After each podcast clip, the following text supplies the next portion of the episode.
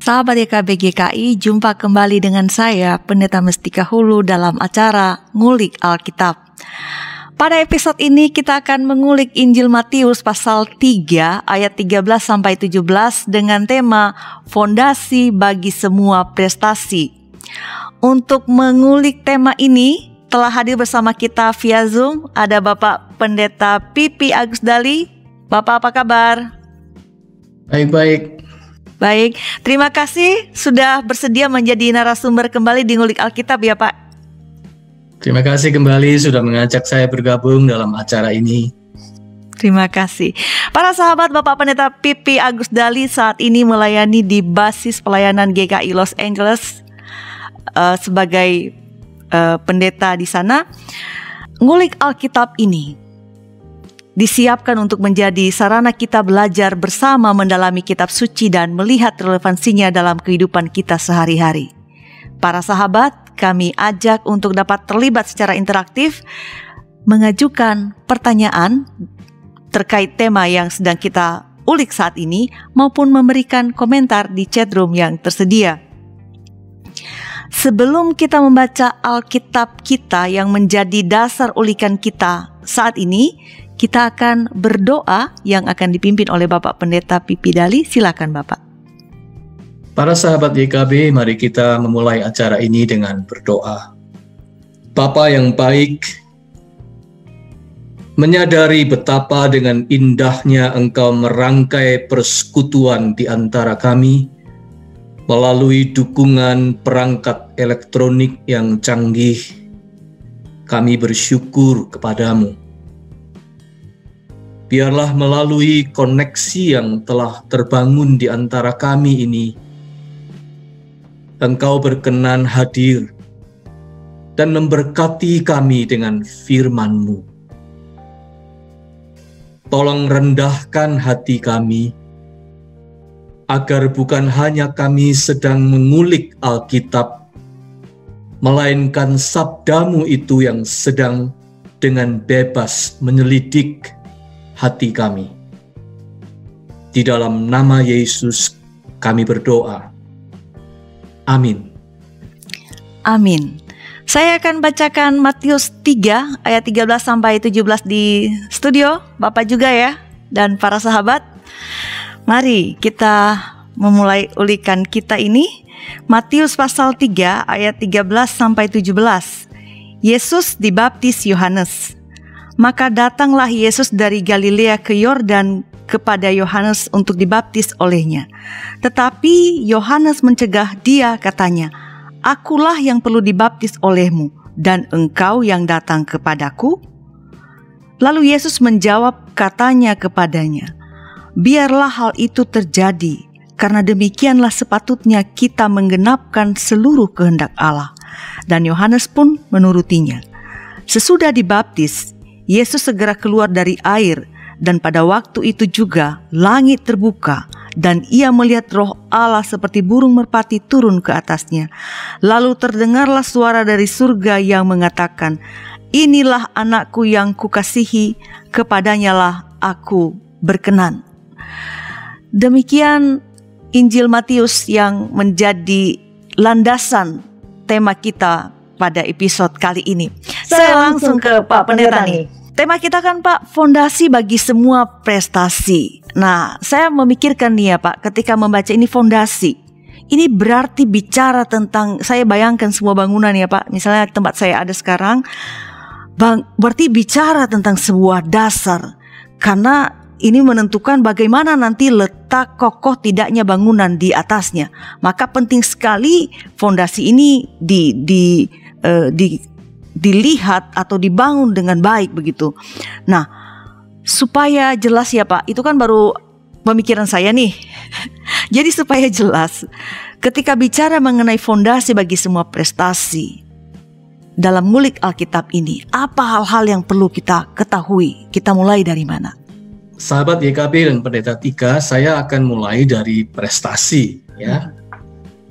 Siapakah yang tidak ingin sukses?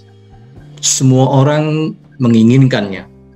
Semua senang meraih prestasi dan kesuksesan. Semua orang kagum pada kesuksesan. Sukses yang dimaksud di sini tentu berlaku dalam bidang apa saja. Sekolah, bisnis, rumah tangga, karir, dan sebagainya. Namun selain kesuksesan, masih ada hal yang juga penting, yaitu adalah mempertahankan sebuah kesuksesan. Maksudnya, keberhasilan itu bisa bertahan, bertahan lama, bahkan berkembang. Bukan sebentar saja cahayanya pudar. Ada sebuah kutipan yang berbunyi begini. The biggest challenge after success is shutting up about it. Tantangan yang terbesar setelah sebuah keberhasilan adalah tutup mulut atas keberhasilan itu, alias tidak menyombongkannya. Hidup ini menurut saya menunjukkan kepada kita ada satu faktor pendeta Tika dan para sahabat YKB yang sangat penting dan menentukan keberhasilan kita itu bisa bertahan lama atau tidak faktor itu namanya humility atau kerendahan hati. Lawan dari keangkuhan atau arogansi. Baik, Bapak menjelaskan barusan bahwa setiap orang ingin berhasil. Saya juga dong, Pak. Bukan hanya orang-orang, saya juga, Pak. nah, tentu ada ungkapan lebih mudah merebut daripada mempertahankan. Meraih prestasi itu lebih jauh lebih mudah daripada mempertahankannya. Setiap orang ingin sukses atau ingin berprestasi dan kalau dia berusaha keras kemungkinan besar akan terjadi. Nah, Bapak juga menjelaskan barusan bahwa mempertahankan kesuksesan itu tidak gampang. Bukan sekedar usahanya, saya menggaris bawah yang Bapak katakan membutuhkan kerendahan hati, humility. Nah, mengapa harus rendah hati, Pak? Apa kaitannya Bapak kerendahan hati dengan kelanggengan kesuksesan atau prestasi? Iya. Saya selalu membayangkan ibarat orang memasak. Humility itu adalah main ingredientnya atau bahan masak yang paling utama. Ibaratnya orang masak nasi goreng ya harus ada nasinya sebagai main ingredient. Kalau orang mau buat soto ayam, ya harus ada ayamnya. Itu main ingredient yang harus ada. Dalam segala bidang kehidupan, baik bisnis, politik, pendidikan, agama, pergaulan sosial, berkeluarga, bergereja, berteman, kerendahan hati itu mutlak diperlukan untuk mempertahankan semua prestasi atau kelanggengan di dalamnya. Sesuatu seperti masakan itu bisa jadi kalau dia ada main ingredientnya. Maka prestasi kita yang kita raih bisa kita pertahankan juga mutlak dibutuhkan kerendahan hati. Sebab di dalam banyak hal, kesanggupan seseorang untuk mengatasi tantangan itu ditentukan oleh kerendahan hatinya. Kemampuan orang untuk bertumbuh, untuk maju, itu ditentukan oleh kerendahan hatinya. Bukan cuma kemampuannya. Kerendahan hati itu kekuatan yang tiada tara kerendahan hati itu menurut saya induk dari semua pencapaian, semua kemenangan. Dia fondasi bagi semua prestasi. Fondasi itu namanya kerendahan hati. Sekaligus kerendahan hati ini Tika adalah sebuah pembelajaran hidup, pembelajaran yang sungguh bermanfaat. Setiap kita patut untuk mempelajarinya. Belajar menjadi rendah hati. Baik, saya mencatat ini sebagai sesuatu yang penting Pak, mungkin sangat penting begitu ya bahwa kerendahan hati adalah induk dari semua kemenangan, fondasi bagi semua prestasi. Maka ketika saya melihat ini sebagai sesuatu yang penting, tentu saja tidak bisa dong Pak saya belajar kerendahan hati dari orang yang tidak rendah hati bukan? Nah, pertanyaan saya, karena fondasi ini penting untuk bangunan di atasnya kehidupan kita, dari siapa Pak atau kepada siapa kita harus belajar ke hati biar jangan salah, Pak? Ya, siapakah guru yang terbaik dari kerendahan hati bukan? Tika? Ya, siapa lagi jikalau bukan Tuhan kita Yesus Kristus. Itulah sebabnya meaning atau arti dari bacaan kita yang kita ulik pada hari ini tentang teks Yesus dibaptiskan oleh Yohanes Pembaptis kita akan belajar ada tiga aspek tentang kerendahan hati yang sedang diperagakan oleh Yesus Kristus dan kita akan mempelajarinya satu demi satu aspek-aspek itu. Yang pertama, perhatikan jawaban Yesus kepada Yohanes di ayat 15. Biarlah Hal itu terjadi karena demikianlah sepatutnya kita menggenapkan seluruh kehendak Allah. Perhatikan kata hal itu. Hal apakah? Yang dimaksud Yesus adalah hal pembaptisannya. Perhatikan, fokus Yesus dengan jelas dan lugas adalah pada hal itu pada what-nya. Ketika Yohanes tampak berkonsentrasi pada orangnya, pada who-nya, seperti yang nyata dari kalimatnya yang berbunyi begini di ayat 14, Akulah yang perlu dibaptis olehmu, dan engkau yang datang kepadaku. Yohanes berkonsentrasi pada aku, pada kamu. Yesus berkonsentrasi pada hal itu. What? Ketika Yohanes terkecoh dan lebih terpengaruh pada siapanya, aku atau engkau, Yesus teguh pada pedoman apanya, yaitu hal pembaptisan dirinya yang adalah pemenuhan kehendak Allah. Meskipun itu berisiko ada kesan merugikan dia.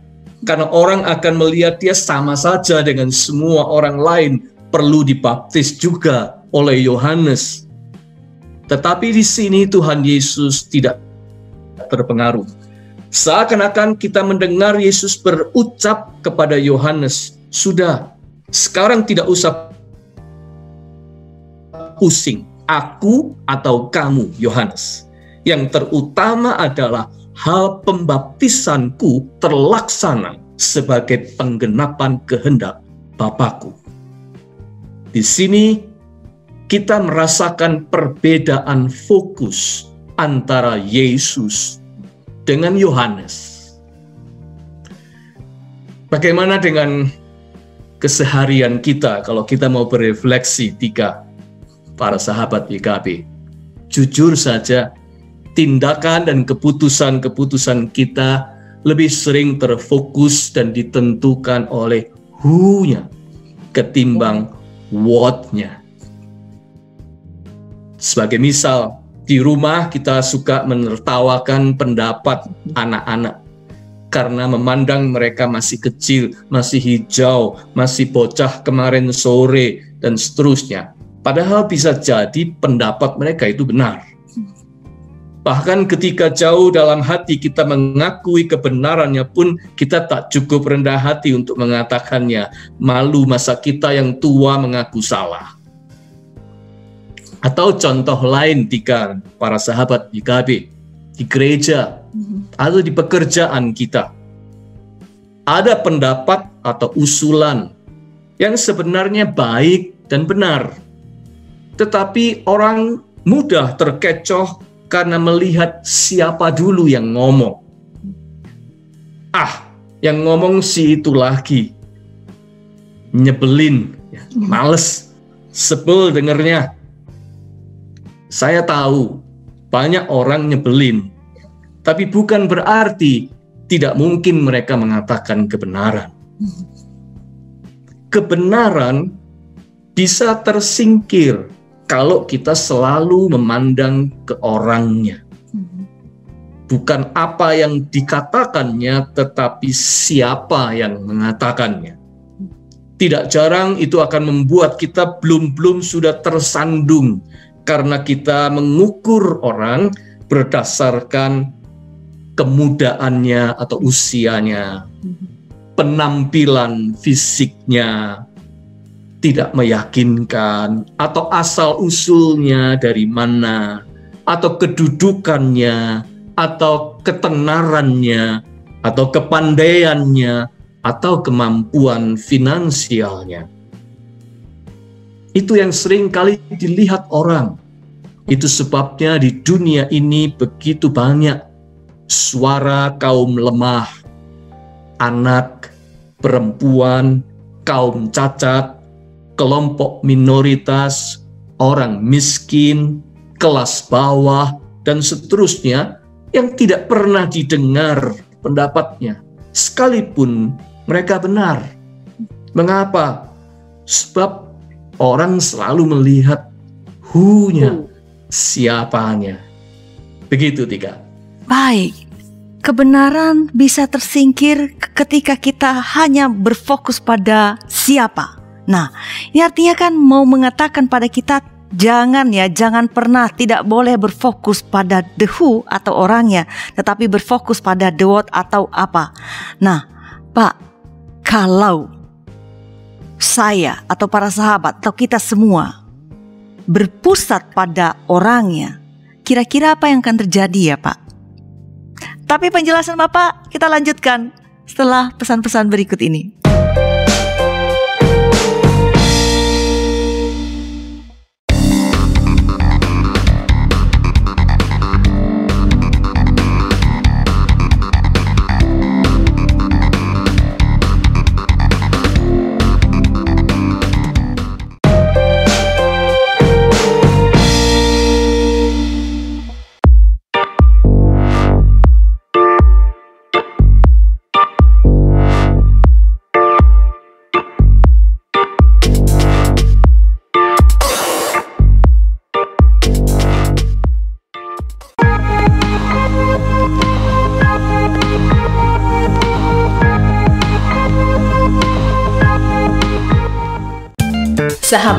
Mari dukung pelayanan dan pekabaran Injil melalui YKB dengan membagikan link acara ini kepada sebanyak mungkin orang. Dukungan juga dapat saudara lakukan dengan mentransfer dukungan finansial ke rekening BCA ke nomor 450 305 2990 450 305 2990 atas nama Yayasan Komunikasi Bersama.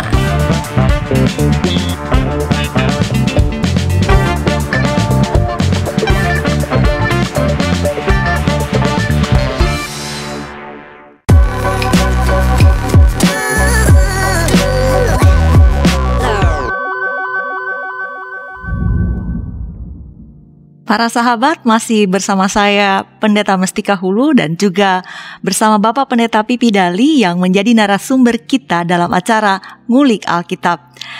Para sahabat yang baru bergabung kami informasikan bahwa saat ini kita sedang mengulik Alkitab dari Injil Matius pasal 3 ayat 13 sampai 17 dengan tema fondasi bagi semua prestasi. Para sahabat silakan jika ingin berinteraksi dengan kami uh, baik memberikan pertanyaan maupun komentar di chat room yang tersedia.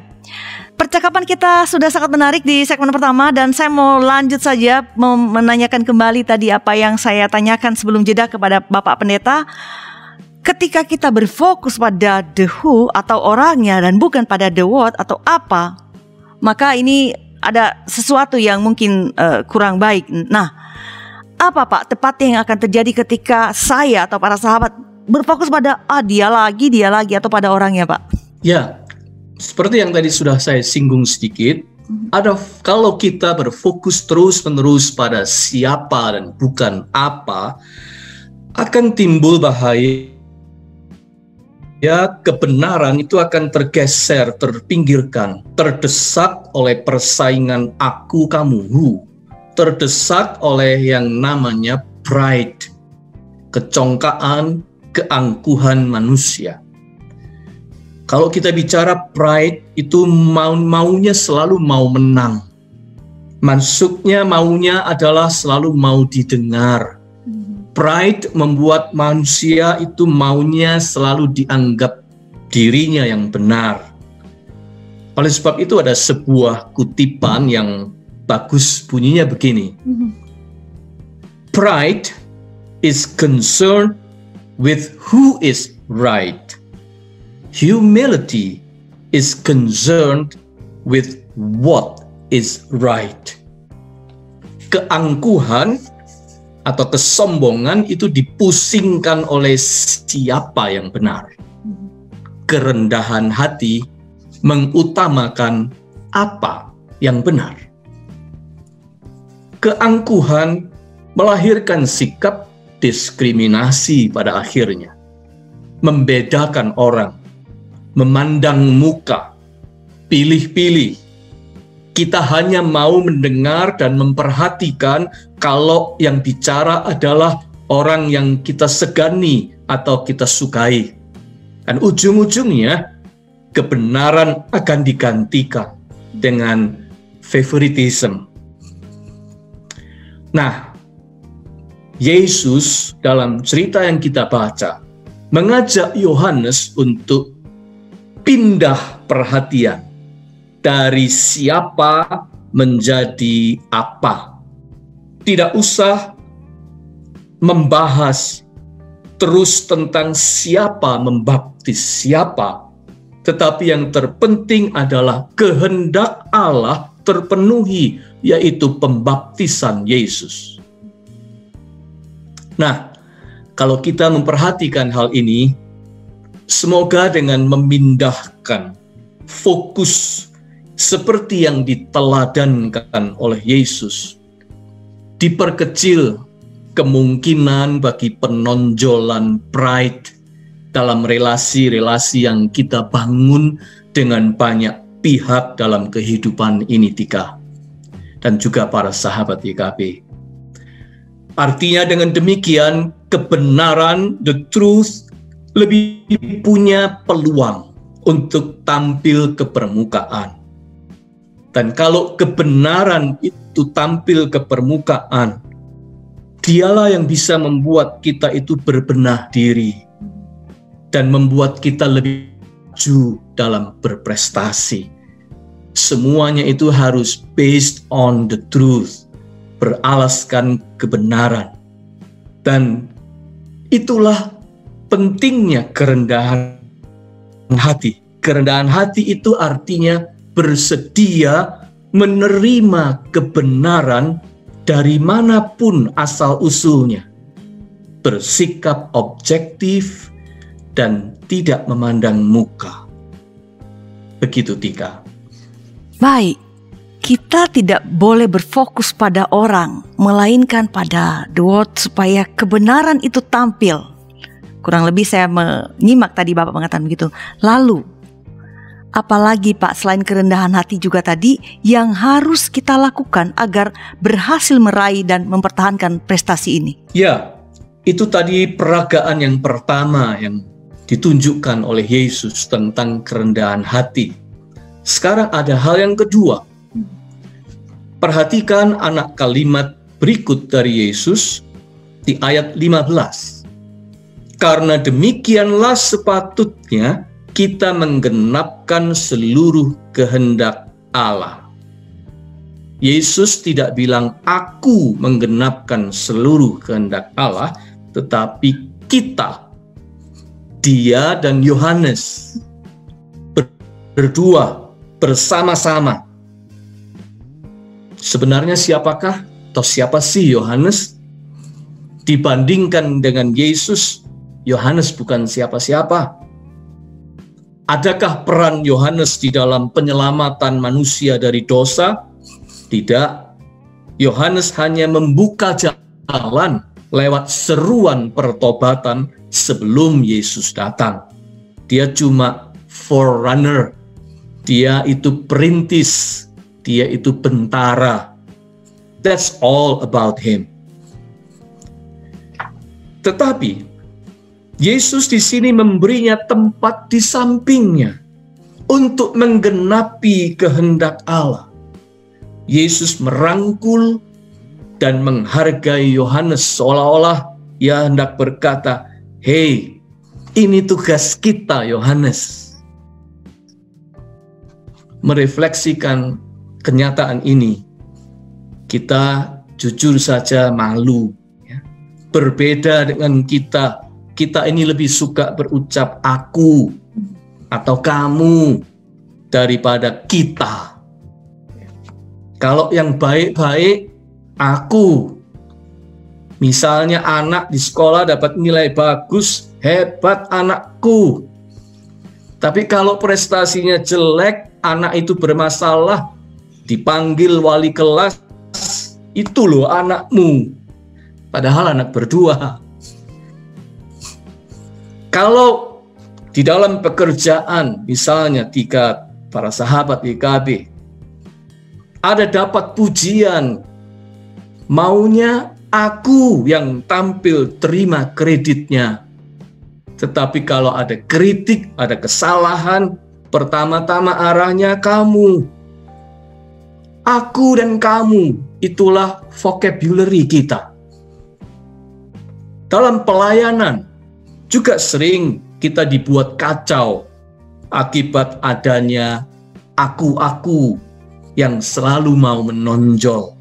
Suaraku, jasaku, hasil karyaku, prestasiku, masakanku, hakku, uangku, gagasanku, ideku, dan seterusnya.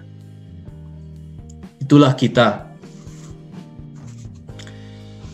Jack Ma, mantan CEO Alibaba, sebuah perusahaan bisnis e-commerce raksasa dari Cina, ketika dia diberi pertanyaan apa yang perlu kita ajarkan kepada anak-anak zaman sekarang ini, dia menjawab, selain seni atau kreativitas, art juga adalah teamwork kerjasama tim.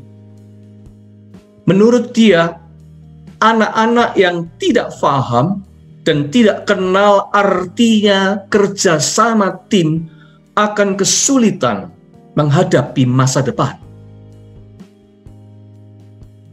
Mereka akan kesulitan menghadapi jagat networking. Kenapa? Sebab di dalam dan melalui teamwork kerjasama tim itulah orang belajar yang namanya humility, kerendahan hati.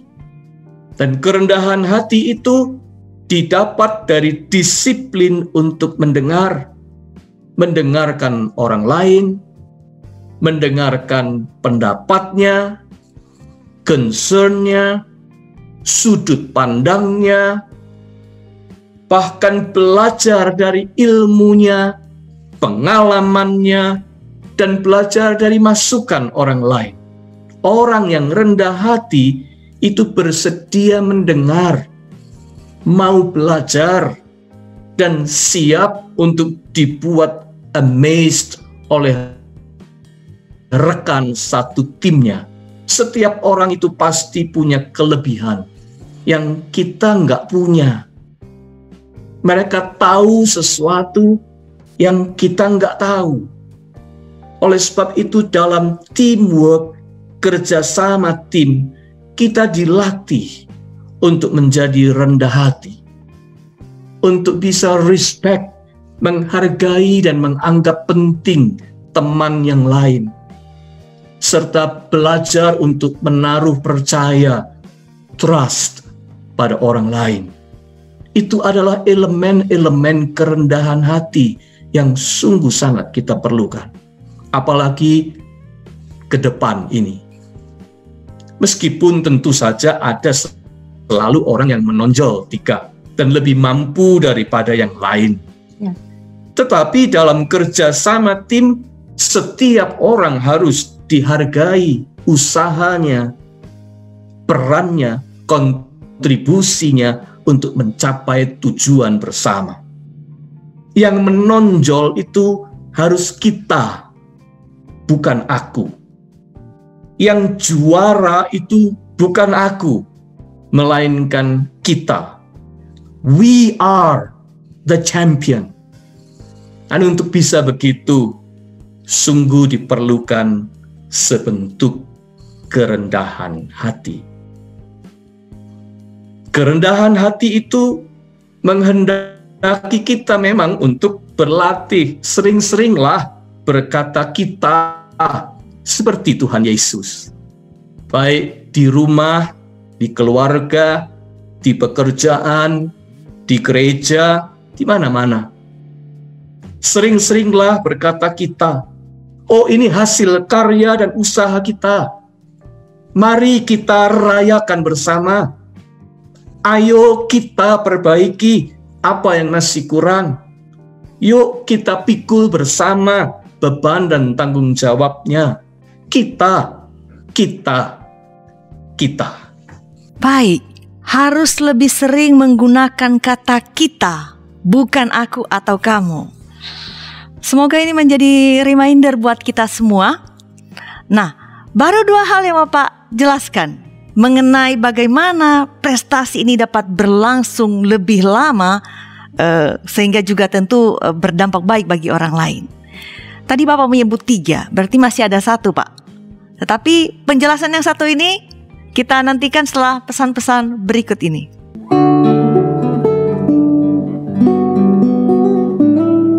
Sahabat YKB, mari kita memuji Tuhan.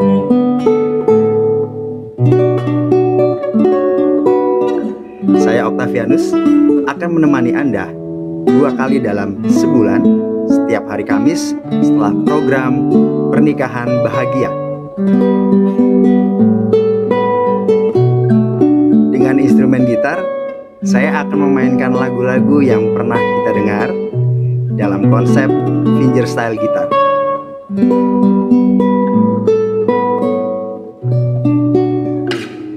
Jangan lewatkan program Sela setiap Kamis dua kali dalam sebulan setelah program Pernikahan Bahagia.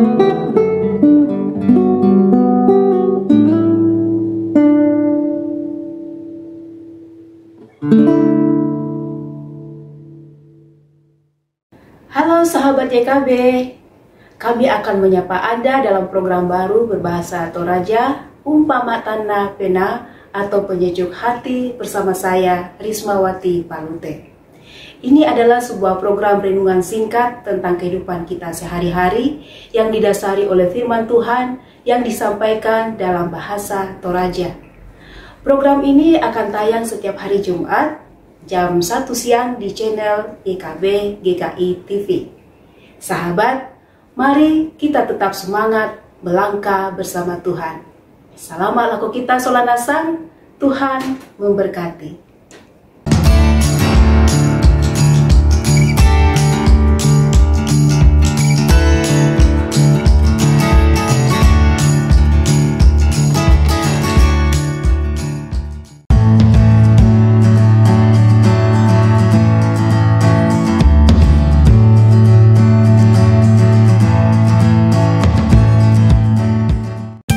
Sahabat, mari dukung pelayanan dan pekabaran Injil melalui YKB dengan membagikan link acara ini kepada sebanyak mungkin orang.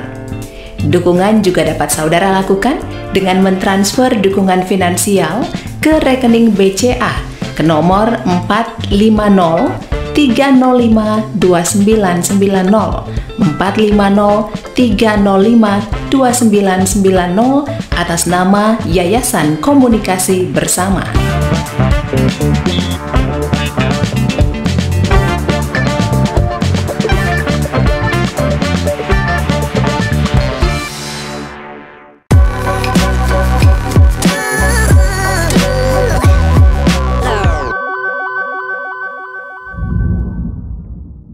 Masih bersama saya Pendeta Mestika Hulu dan juga bersama Bapak Pendeta Pipi Dali yang menjadi narasumber kita dalam acara ngulik Alkitab kali ini.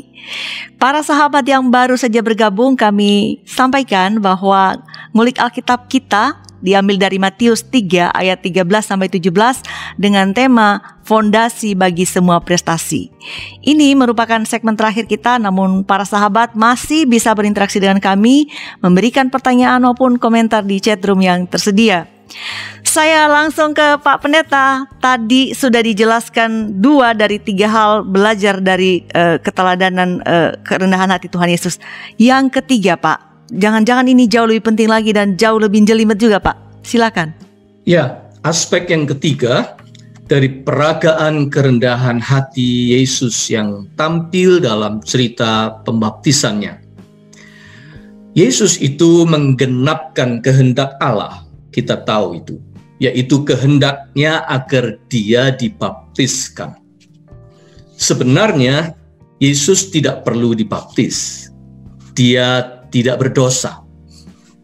Tetapi dia harus menempatkan dirinya bersama dengan para pendosa demi karya penebusan. Itulah kehendak Allah. Kalau kita membaca 2 Korintus 5 21, di situ Paulus mengatakan, dia yang tidak mengenal dosa telah dibuatnya menjadi dosa karena kita, supaya di dalam Dia kita dibenarkan oleh Allah. Sesudah kabar malaikat disampaikan kepada Yusuf bahwa anak dilahirkan Maria itu akan menjadi penyelamat bagi dosa umat Artinya Matius sudah menyinggung sejak kelahiran Yesus akan tugas penebusan itu. Dan sekarang sekali lagi dalam cerita tentang pembaptisannya ditegaskan ulang bahwa ia akan melakukan tugas penebusan dosa. Dia akan berada di tempat orang-orang berdosa demi karya penebusan. Dan Ketika Yesus menjalaninya dalam kerendahan hati, dia dibaptiskan oleh Yohanes. Dikisahkan sesuatu terjadi, yaitu yang tertulis di ayat 16 dan 17. Sesudah dibaptis, Yesus segera keluar dari air, dan pada waktu itu juga langit terbuka dan ia melihat roh Allah seperti burung merpati turun ke atasnya, lalu terdengarlah suara dari surga yang mengatakan, inilah anakku yang kukasihi, kepadanya lah aku berkenan. Apa yang terjadi begitu Yesus selesai dibaptiskan? Kehadiran Allah Tritunggal, the Trinity God, dinyatakan. Begitu Yesus keluar dari air, serempak roh hinggap dalam rupa burung merpati dan suara Allah Bapa berkumandang. Artinya kemuliaan surgawi meneguhkan dirinya. Hadir di situ. Yesus adalah teladan kerendahan hati buat kita dia put aside dirinya sendiri. Bukan karena dirinya tidak berharga, melainkan dia memberikan jalan untuk yang utama lebih tampil ke depan, yaitu kehadiran Allah Tritunggal dalam kemuliaan surgawi.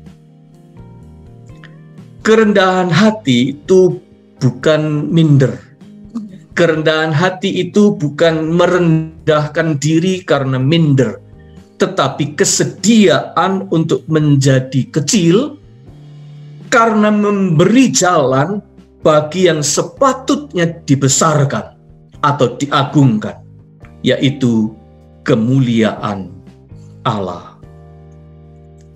Benar kata seorang teolog awam yang ternama C.S. Lewis, dia berkata begini, Humility is not thinking less of yourself, but thinking yourself less. Kerendahan hati bukanlah berpikir kurang tentang diri sendiri, melainkan kurang berpikir tentang diri sendiri atau mengurangi berpikir tentang diri sendiri. Dan kualitas seperti itu ada pada Yesus sepenuhnya. Tidak heran Yesus berhasil menyelesaikan karya penebusannya sampai tuntas dan memuliakan Allah sampai akhir. Sebab apa? Sebab kerendahan hati melekat menyatu di dalam dirinya. Bahkan Paulus mengatakan ia mengosongkan dirinya sendiri dalam kerendahan hati hingga pada saatnya ia menerima kemuliaan yang terbesar. Seluruh hidup dan karya Yesus boleh dikatakan adalah peragaan tentang kerendahan hati. Tentu ini menimbulkan pertanyaan refleksi pada kita, masihkah dalam segala kiprah kehidupan kita, kita memberi jalan untuk Allah dimuliakan, atau terlalu sering kita ini malah mau ikut dapat kreditnya dalam semua itu, atau dengan kata lain, kita tergoda untuk mencuri kemuliaan Tuhan. Begitu, Tika.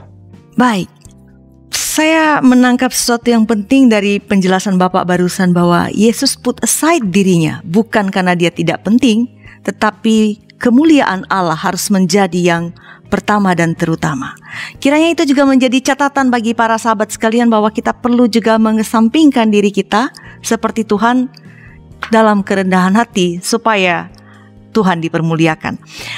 Baik, sebelum kita nanti mengakhiri ngulik Alkitab ini, Pak, setelah menjelaskan tadi apa yang menjadi fondasi, eh, mengapa ini disebut kerendahan hati eh, menjadi eh, fondasi bagi prestasi dan kepada siapa kita harus meneladaninya, adakah hal lain yang khusus yang juga ingin Bapak tegaskan lagi untuk dilihat diperhatikan oleh uh, para sahabat YKB di episode ini agar itu pun menolong mereka juga dalam tentu saja ngulik Alkitab ini adalah uh, melihat membaca kitab suci merenungkan dan merelevansikan dalam kehidupan sehari-hari. Apa yang perlu para sahabat uh, perhatikan lagi, Pak, melalui ngulik kali ini? Baik, Pendeta Tika dan para sahabat YKB yang dikasih Tuhan, saya hanya ingin menggarisbawahi kembali kita ini selalu diajar untuk hidup memuliakan Tuhan sebagai orang Kristen dan kita juga ingin hidup memuliakan Tuhan. Tetapi sadarkah kita bahwa ada satu syarat mutlak untuk kita memuliakan Tuhan dan itu adalah humility, kerendahan hati. Jikalau kita ingin hidup memuliakan Allah, maka kerendahan hati adalah syarat mutlak. Tanpa kerendahan hati, mustahil kita memuliakan Tuhan. Tanpanya, kita hanya akan memuliakan diri sendiri. Ketika pride kita yang menanjak tinggi, apa yang ingin kita tampilkan, apa yang ingin kita pertahankan, pasti diri sendiri, kemauan, prestasi, kehebatan, gengsi, perasaan, kesukaan, dan kepentingan diri kita sendiri, bukan kemuliaan Allah. Dan akhirnya, jika kita ingin dalam segala aspek hidup kita, kita memiliki pencapaian yang baik, topik tentang prestasi hari ini, dan kita ingin kita bisa bertahan apa yang baik itu tetap baik marilah kita belajar fondasi yang penting ini, yaitu belajar menjadi rendah hati. Satu, singkirkan pride, hormati kebenaran, entah datangnya dari mana saja, diusung dan berasal dari siapa pun, hormati kebenaran. Yang penting adalah what-nya, esensi persoalannya, pesan kebenarannya. Dua, belajarlah mendengar, belajarlah menghargai dan mempercayai dan bekerja sama dengan siapa pun. Gantikanlah aku dengan kita. Sering-seringlah menggunakan kita dalam kiprah hidup bersama. Dan yang ketiga, berikanlah jalan atau kelapangan untuk kemuliaan Tuhan yang pertama-tama dinyatakan melalui sikap, ucapan, perbuatan, dan pelayanan kita.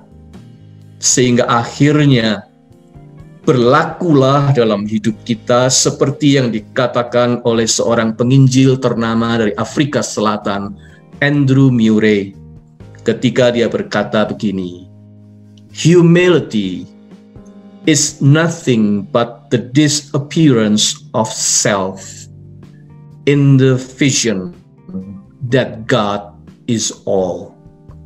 Kerendahan hati itu adalah tenggelamnya keakuan kita dalam sebuah visi tentang betapa Allah itulah segala-galanya.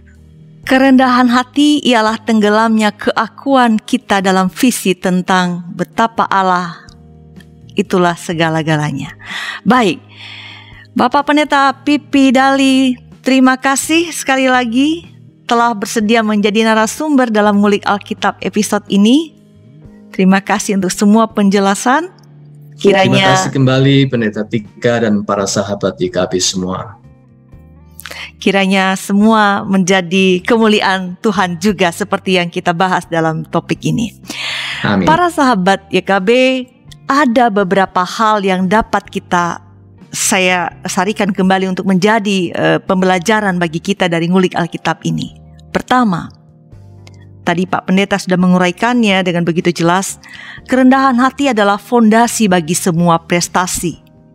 Jika kita memiliki kerendahan hati, maka kita dapat menerima kebenaran entah dari mana pun dan entah siapa pun yang mengatakannya.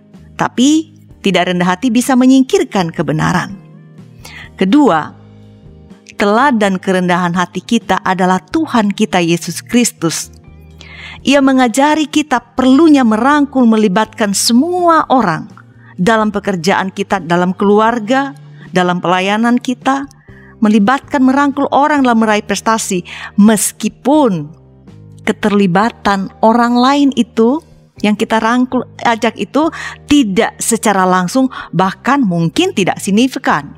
Tetapi sekali lagi seperti Tuhan merangkul Yohanes dan mengajaknya bekerja sama dan mengatakan kita dalam mengulik Alkitab kali ini kita pun diajak untuk merangkul orang lain untuk bersama-sama dan membiasakan diri mengatakan kita. Ketiga, pada akhirnya dan mungkin ini juga pada awalnya. Biarlah segala prestasi yang kita raih dan pertahankan dengan rendah hati itu bertujuan untuk memuliakan nama Tuhan.